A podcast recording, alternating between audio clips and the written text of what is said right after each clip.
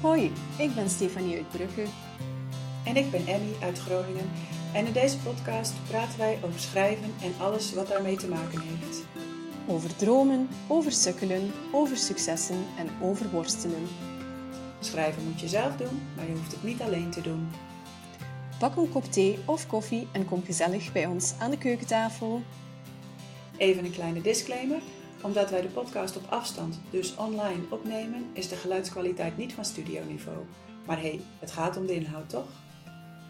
Ja, daar zijn we weer met alweer een nieuwe aflevering van Schrijfpraat, de podcast. En vandaag is het weer een hele bijzondere aflevering, want we hebben een gast. En dat is uh, Kim Linsen. En uh, ik ken Kim via Instagram. Wij volgen elkaar al een tijdje en dan met name van haar account, het Ware Woordenwereld. Uh, en daarin uh, is Kim een soort schrijfduizendpoot die uh, jou met van alles rondom het schrijven kan helpen. Maar Kim, uh, welkom. Dankjewel. Leuk om hier te zijn. ja, zeker. We vinden het ook super leuk dat jij er bent. Oh, wat ik nog even vergeten te zeggen, is dat wij met z'n tweetjes zijn vandaag. Um, dus als je denkt van, hé, hey, ik mis een stem van Stefanie, die is ziek vandaag. Dus zij kan helaas niet, niet erbij zijn. Maar even terug naar jou, Kim. Um, ja, super fijn dat je er bent. En um, ja, misschien kun je jezelf ook eerst even voorstellen. ja, dat is goed. nou, wij kennen elkaar inderdaad via Instagram. Ik ben ooit begonnen als eindredacteur bij allerlei vrouwenbladen. Dus ja, de FIFA en uh, de, de Cosmopolitan, allemaal dat soort bladen. Oh, leuk, ja. Um, ja, en dat, uh, ik heb journalistiek gestudeerd en toen ben ik eigenlijk meteen dus in de eindredactie beland, omdat ik al meteen merkte van ik ben beter in teksten verbeteren dan, uh, dan ze zelf op pad te gaan en mensen te interviewen en uh, de razende reporter te zijn.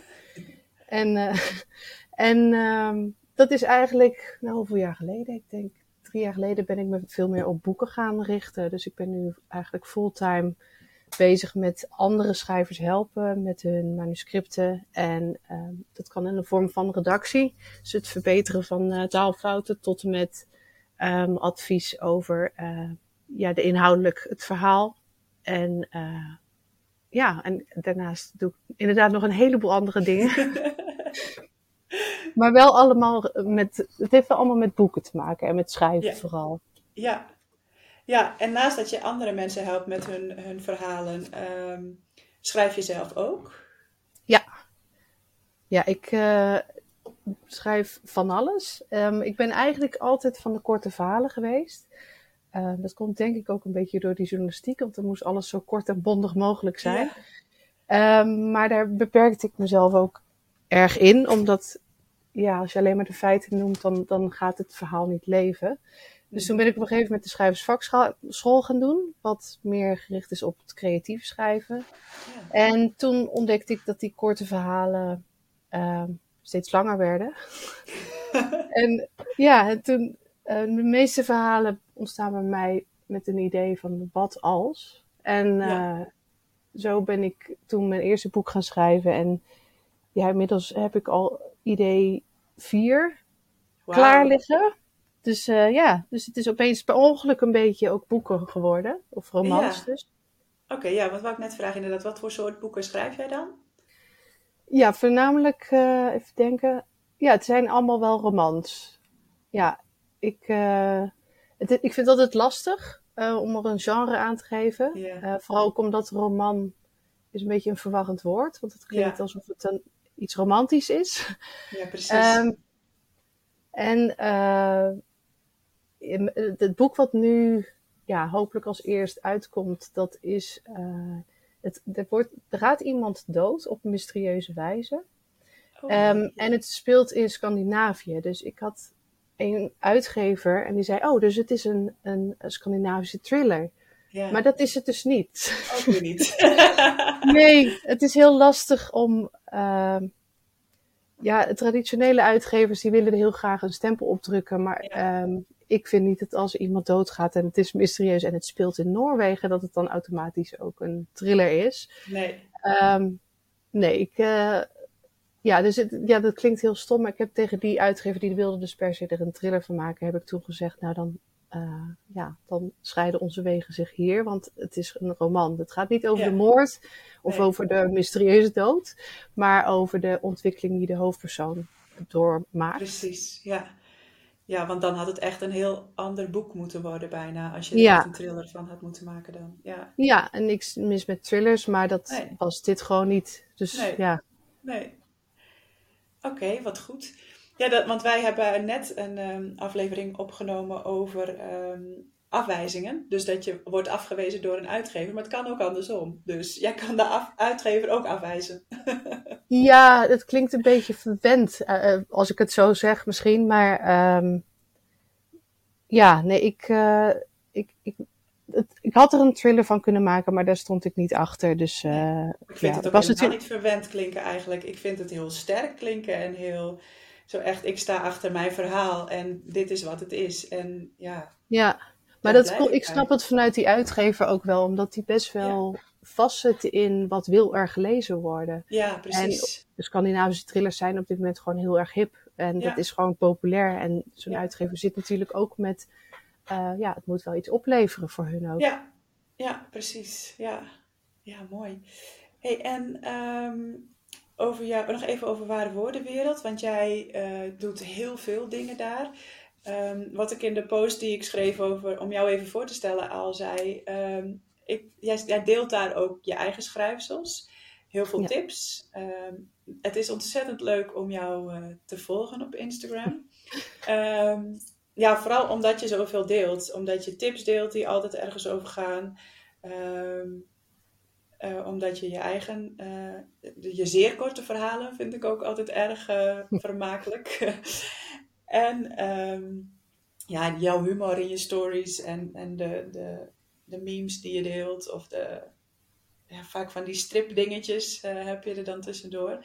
Ja, dat vind ik echt ontzettend leuk. Dus ehm, dat is ook voor onze luisteraars wel een enorme aanrader om jou te gaan volgen als ze dat nog niet doen. Ehm, maar dan hadden we voor jou, eh, of met jou vandaag afgesproken om het te hebben over het schrijven van dialogen. Ja. Ehm, waarom is dat wat jij graag vandaag wilde bespreken? Heb je daar een, een speciale reden voor? Eh, eh, ik, wil, ik wil nog heel even terug naar wat je net zei over die, Oh. dat, dat, met de, de grappige dingen en zo.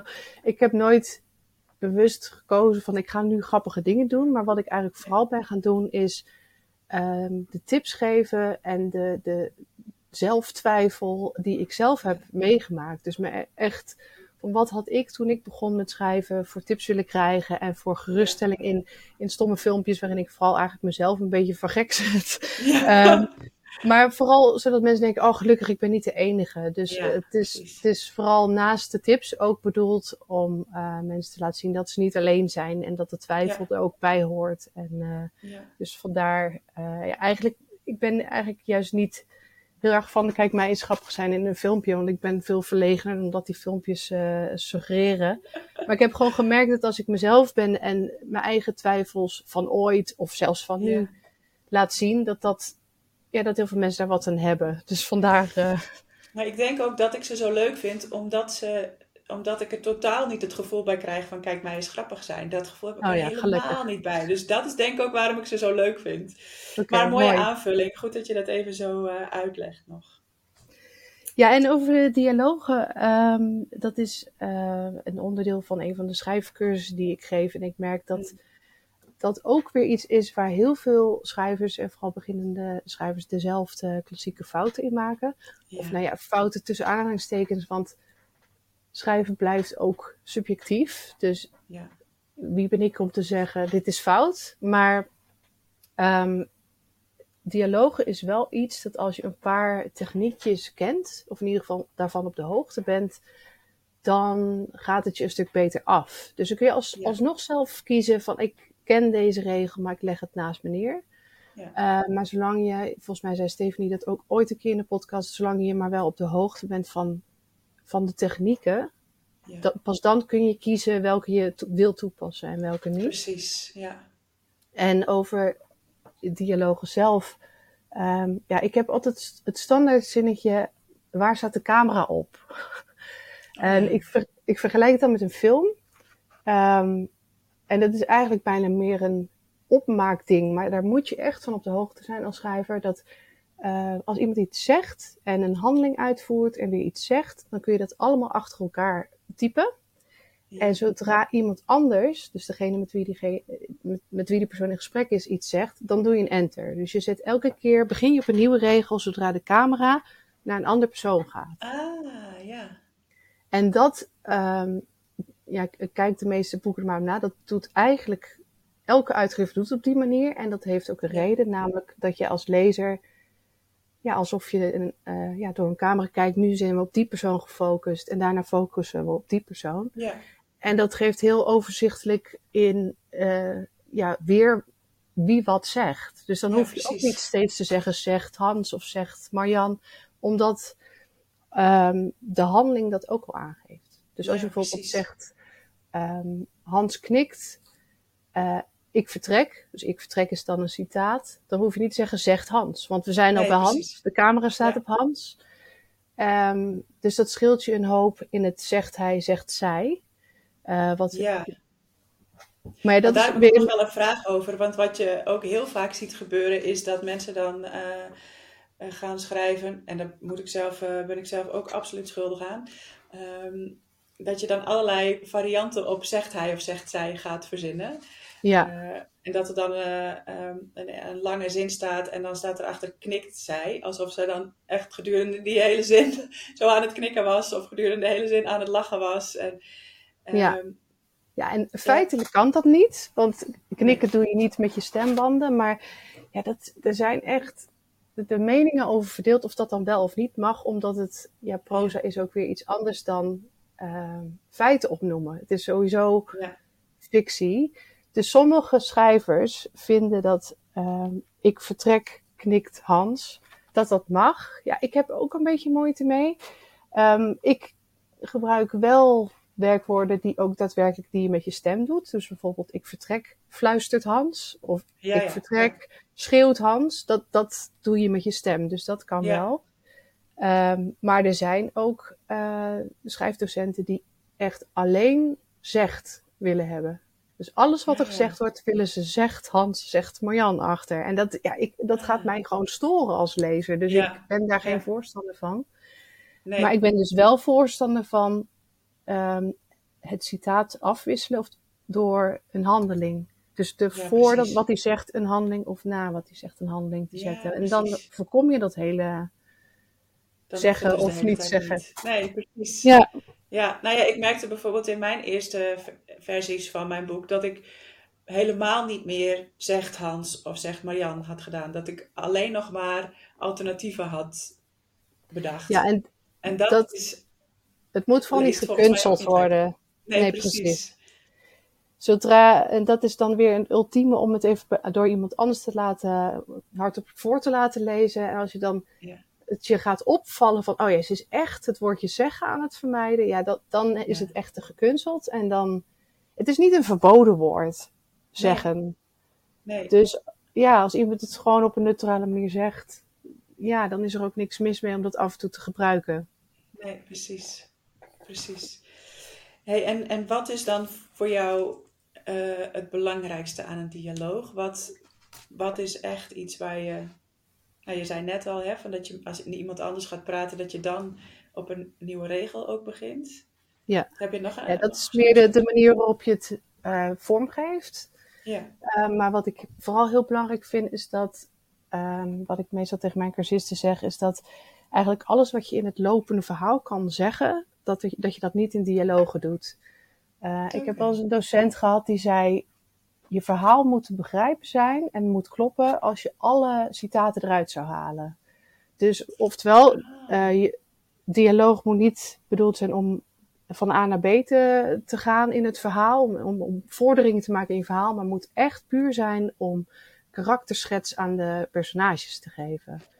kijk. dat en daar kun je heel ja. veel mee spelen, want je kunt hoe iemand iets zegt, um, ja, nou ja, wat verhandeling die daarbij uitvoert, maar ook als hij niks zegt, dus als er een stilte valt, dat kan ook al heel veel zeggen. En de manier waarop, misschien is hij heel onhandig met zijn woorden, misschien gebruikt hij uitdrukkingen verkeerd. Uh, het is vooral een, een manier om kleur te geven aan je verhaal. Ja, en aan je En- personage dus ook. Ja. wel. Ja, Ja. Om, om meer diepgang aan een personage te geven en de lezer daar een soort band mee te laten voelen. En of dat nou een soort afkeer is of een soort ehm, eh, ja, ontroering of wat dan ook. Ja. Het geeft diepgang aan het karakter, aan het Ja. personage. Je lezer gaat daardoor iets voelen bij een personage. Precies, ja. Ja. En ook En daarvoor geldt dan weer, dat is niet een soort regel eh, die, die vaststaat en hoe het altijd moet. Ehm, maar ik merk zelf wel dat gesprekken eigenlijk leuk zijn als ze niet al te makkelijk zijn. Een beetje ongemakkelijk gesprek, waarin iemand zijn ware aard laat zien en eh, zijn emoties zichtbaar zijn. En, eh, en daarnaast is het ook gewoon saai als je een, een gesprek wat, eh, zoals nou, stel je hebt een telefoongesprek en hoi, hoe is het? Goed met jou? Weet je, zo'n soort gesprek Ja. voegt helemaal niks Dat toe. hoeft niet. Nee. En dan kun je ook vervangen door ik bel daarop en vroeg hoe het ging. Weet je, dat je het kort samenvat. Dat, dat kan ook. precies. Ja.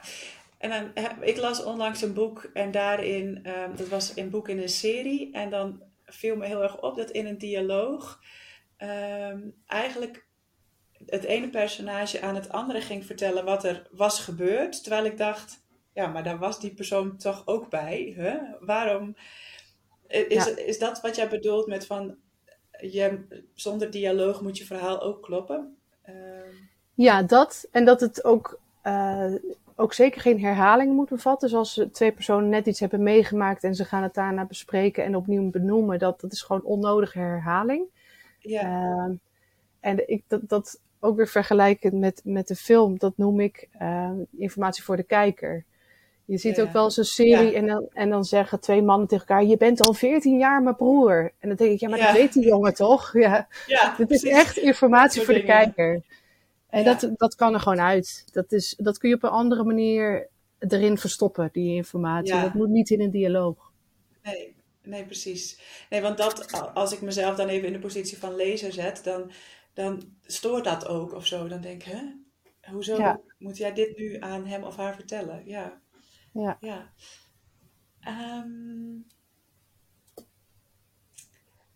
jij zegt net, eigenlijk moet, je verhaal, eigenlijk moet je verhaal ook kloppen zonder dialoog. Wat is dan ehm, het allerbelangrijkst van een dialoog voor je verhaal? Zeg maar, waarom schrijft niemand een verhaal zonder dialoog? En er zijn wel Nou, verhalen helemaal dialoog. waar, die zijn natuurlijk wel. En er zijn daarnaast ook verhalen die puur 100% uit dialoog bestaan. En daar is Ja. ook als ze goed geschreven zijn, is daar helemaal niks mis mee. Nee. Ehm, het is, ja, zoals ik net al zei, het moet vooral, ik gebruik het echt als ehm, diepte geven aan een, aan een personage. En, ehm, Ja. Maar nogmaals, dat is niet hoe, waar iedereen zich van mij aan moet houden. Dat is hoe ik het zelf als lezer ook het mooist vind. ja. En ehm, zolang je niet dingen gaat herhalen, denk ik dat je het echt vooral mag doen hoe je het zelf wil. Ehm, want soms vertellen mensen elkaar wel belangrijke informatie en is dat dus wel een, iets, een gedeelte dat het verhaal verder brengt. En eh, dat kan heus wel. Zolang je maar niet gesprekken erin gaat toevoegen, omdat je denkt, nou ja, oh ja, een verhaal moet ook dialogen bevatten. Dus laat ik ze hier maar even over het weer praten. Terwijl dat Ja, ook weer iets kan zeggen. Dus als een stelletje nooit meer met elkaar praat, maar dan uitgebreid over het weer gaat hebben, dan zegt dat des te meer over waar ze het niet over hebben. precies. Dus Ja. alles kan eigenlijk op weer op deze manier. Ja, nou, ik moet ook een beetje denken aan de schrijftraining die ik ooit volgde. ehm, en dat, dat ze daar ook zeiden van pas op voor een infodump. Dus dat je heel veel eh, als schrijver gaat vertellen. Eh, en de oplossing was dan om daar dan een dialoog eh, van te maken. Dat je het niet allemaal als schrijver vertelt, maar dat het, de personages het elkaar duidelijk maken, zeg maar. Dat- Eh, Dat is een manier, maar dan ligt er wel op de loer. Het is wel het risico dat je dan dus van die dingen gaat zeggen als je bent al 14 jaar mijn broer. ja, Eh, dat, ja. het, dat het informatie, dan moet je dan heel goed bij checken. Zouden deze twee personages, of drie, als ze met z'n drieën eh, een gesprek hebben, zouden zij dit al van elkaar weten of niet? Of doe, Ja. stop ik dit er echt in als informatie voor de kijker? En dan moet je het op echt op een andere manier oplossen. Ja, ja. Oké, ehm, wat zou jij nog meer graag willen delen over dialogen?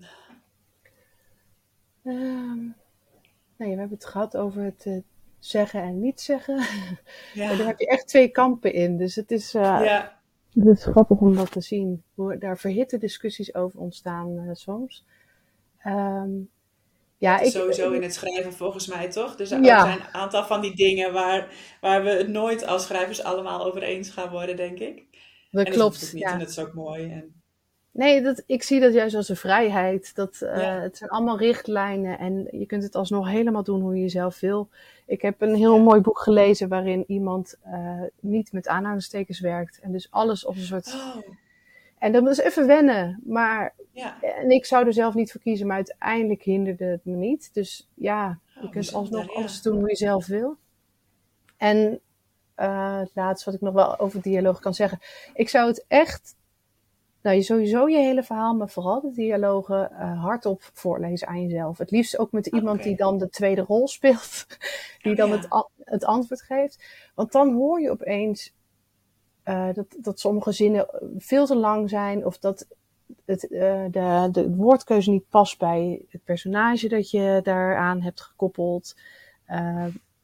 Want ja, een gesprek in het echt loopt ook nooit, ja, zoals, je, zoals ik nu ook laat zien. Je maakt nooit al je zinnen helemaal af. Soms zit je halverwege een zin en dan begin je over iets anders.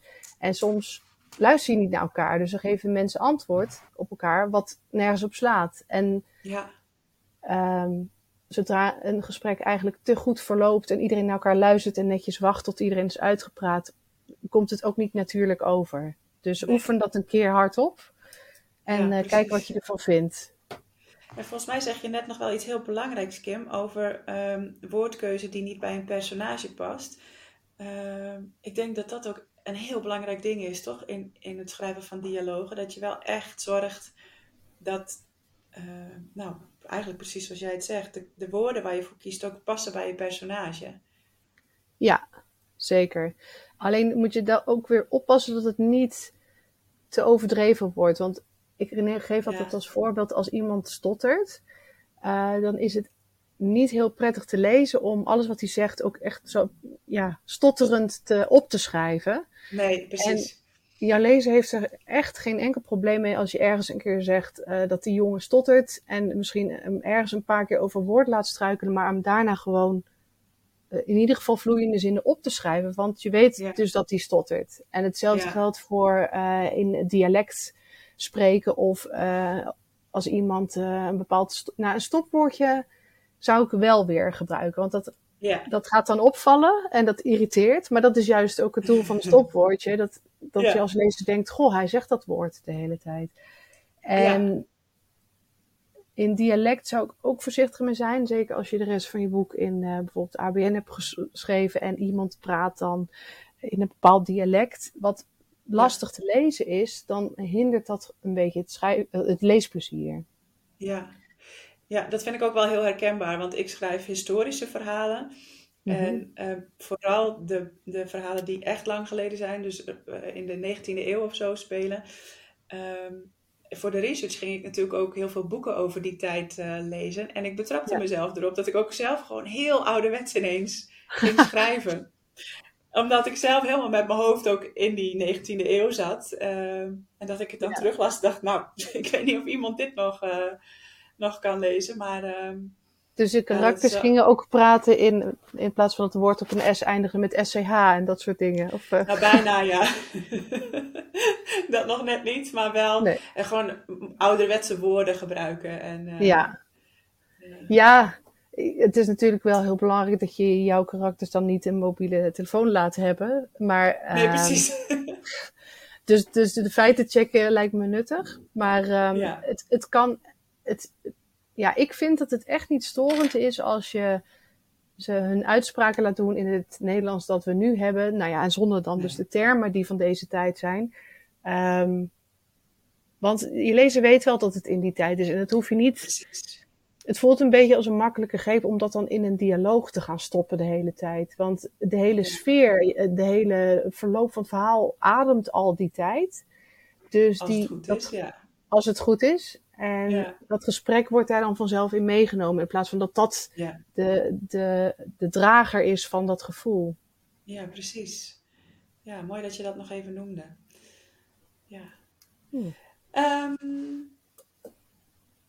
en jij bent ook redacteur natuurlijk en, jij, jij, en manuscriptbeoordelaar. En wat, wat zie jij nou, maar misschien zit dat ook heel in wat je net hebt gezegd hoor, maar als de meest gemaakte fouten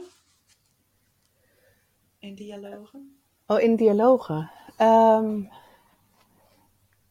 ja, ik denk toch wel dat, ehm, dat de positie van de camera, dus dat Ja, eh, mensen niet precies weten van wanneer. Ja, ik, zie, ik lees een heleboel boeken en ik zie wel dat er steeds op een nieuwe regel begonnen moet worden, maar waarom dit zo gebeurt, dat weet ik eigenlijk niet.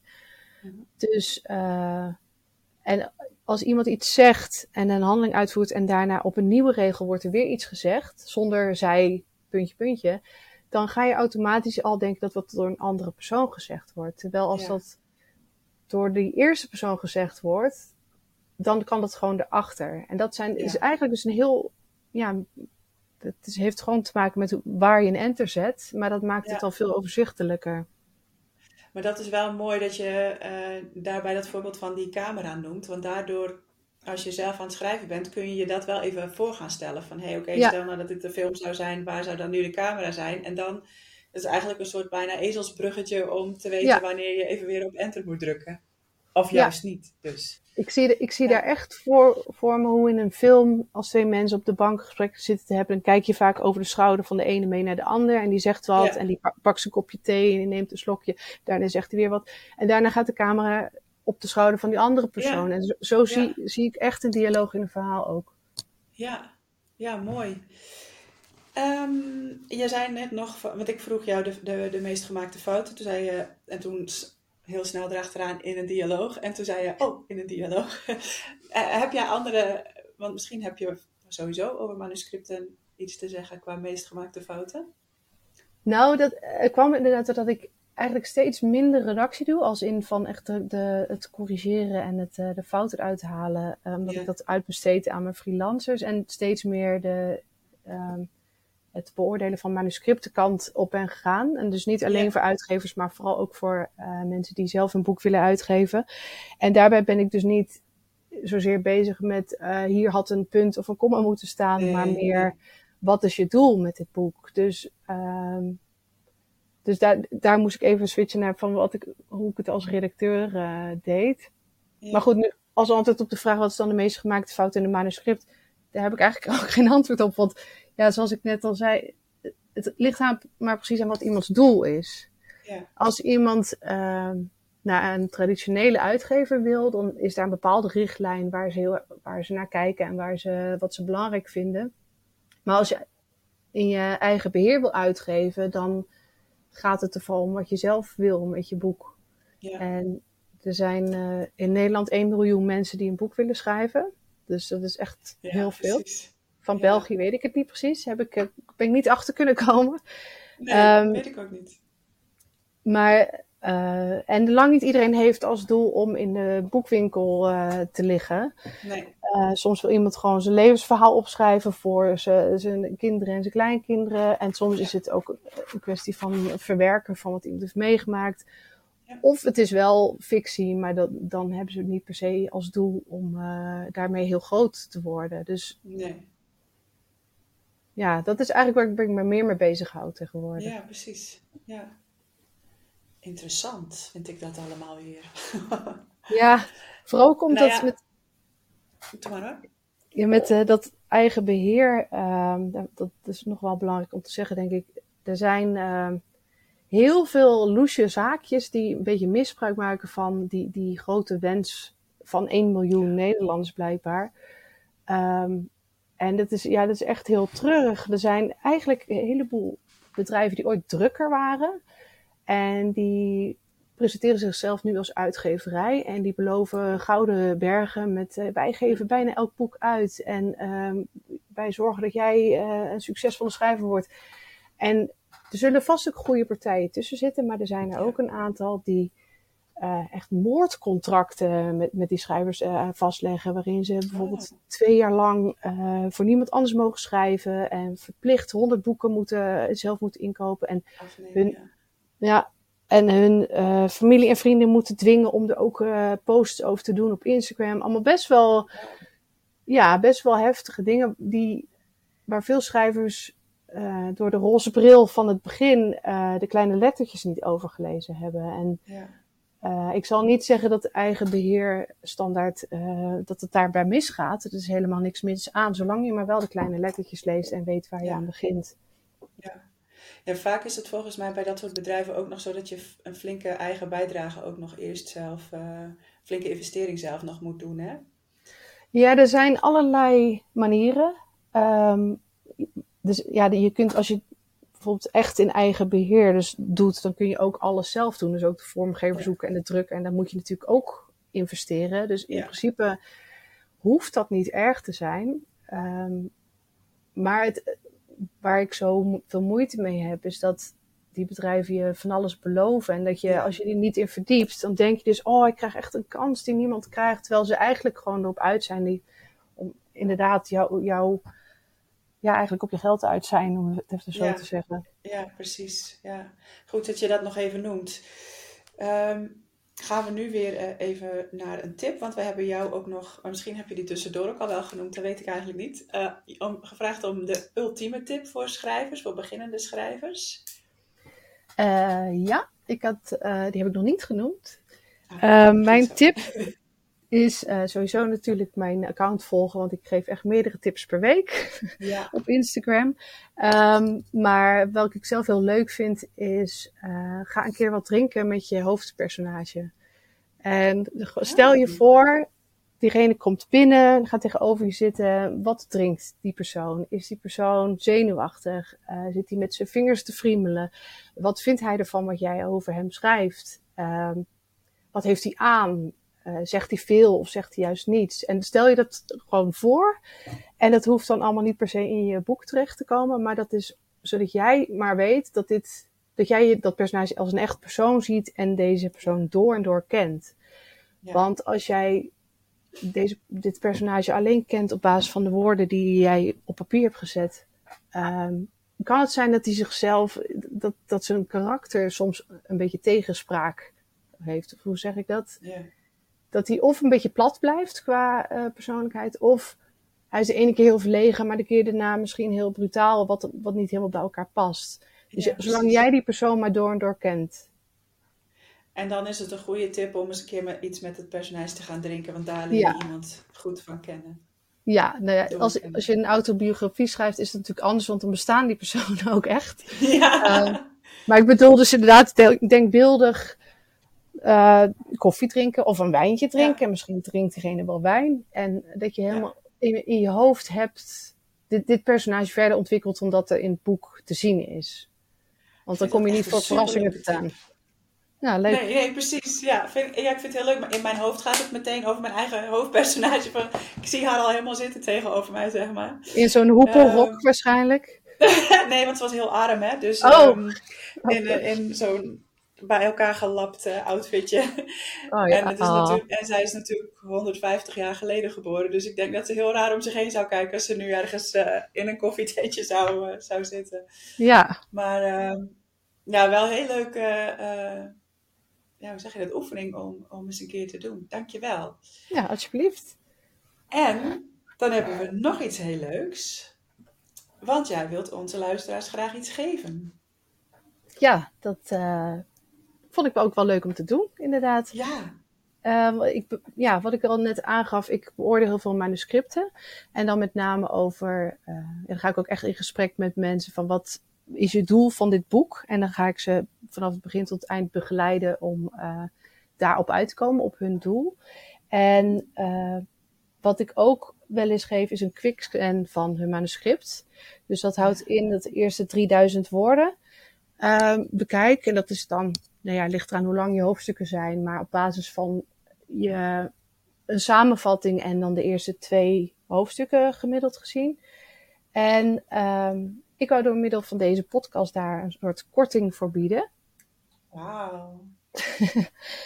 Want uh, ja, normaal kost het 75 euro. En uh, als, uh, ja, wat hadden we nou precies afgesproken? Als we een bepaalde code noemen en zich hiervoor inschrijven, dan krijgen ze 20 euro korting daarop. Wauw, tof. En wij hebben afgesproken de code Schrijfpraat de podcast. Ja, dus als dat is een geheime code. Ja. ja, die gaan we verder nergens delen, alleen in deze aflevering. Um, dus als jij um, met de manuscript bezig bent en je denkt, goh, ben ik op de goede weg? Uh, ja, wat, wat, wat kan ik nog verbeteren hieraan? En je zegt, nou, ik wil hè, heel graag dat Kim daar eens naar kijkt. Stuur dan. Dan kan je dat volgens mij op jouw website, hè Kim? Ja. Dat warewoordenwereld.nl? Ja, klopt. Ja, dat staat bij... Uh, bij mijn diensten staat, nou ja, staat alles wat ik doe. Uh, maar een daarvan is dus manuscriptadvies. En daar, is ook de, daar kun je gewoon een inschrijfformulier voor indienen. Maar ze mogen me ook mailen. Dat is geen Oh, probleem. top.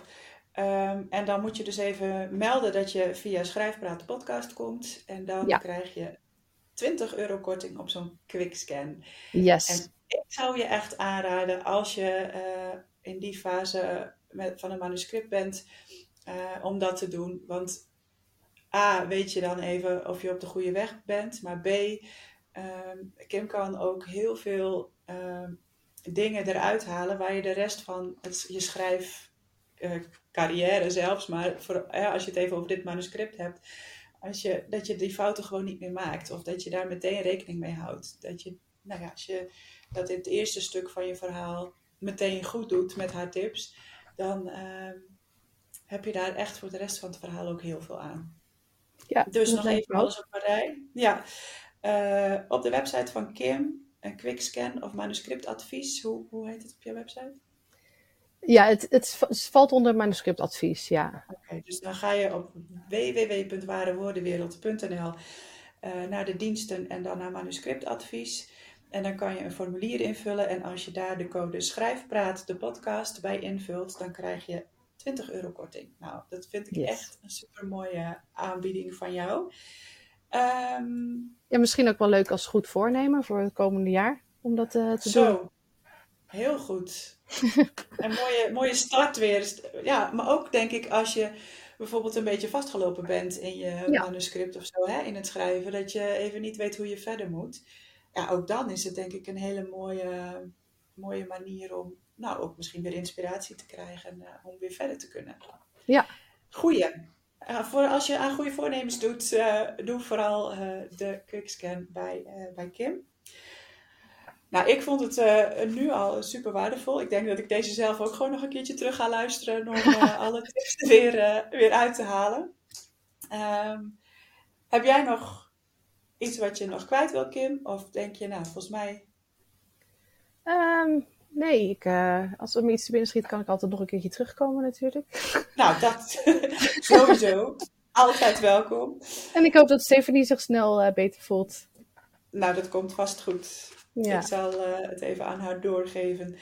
Ehm, nou, dan heel erg bedankt dat je er was. heel graag gedaan. En ehm, nou, we houden sowieso contact over de, over de aanbieding, over jouw aanbod.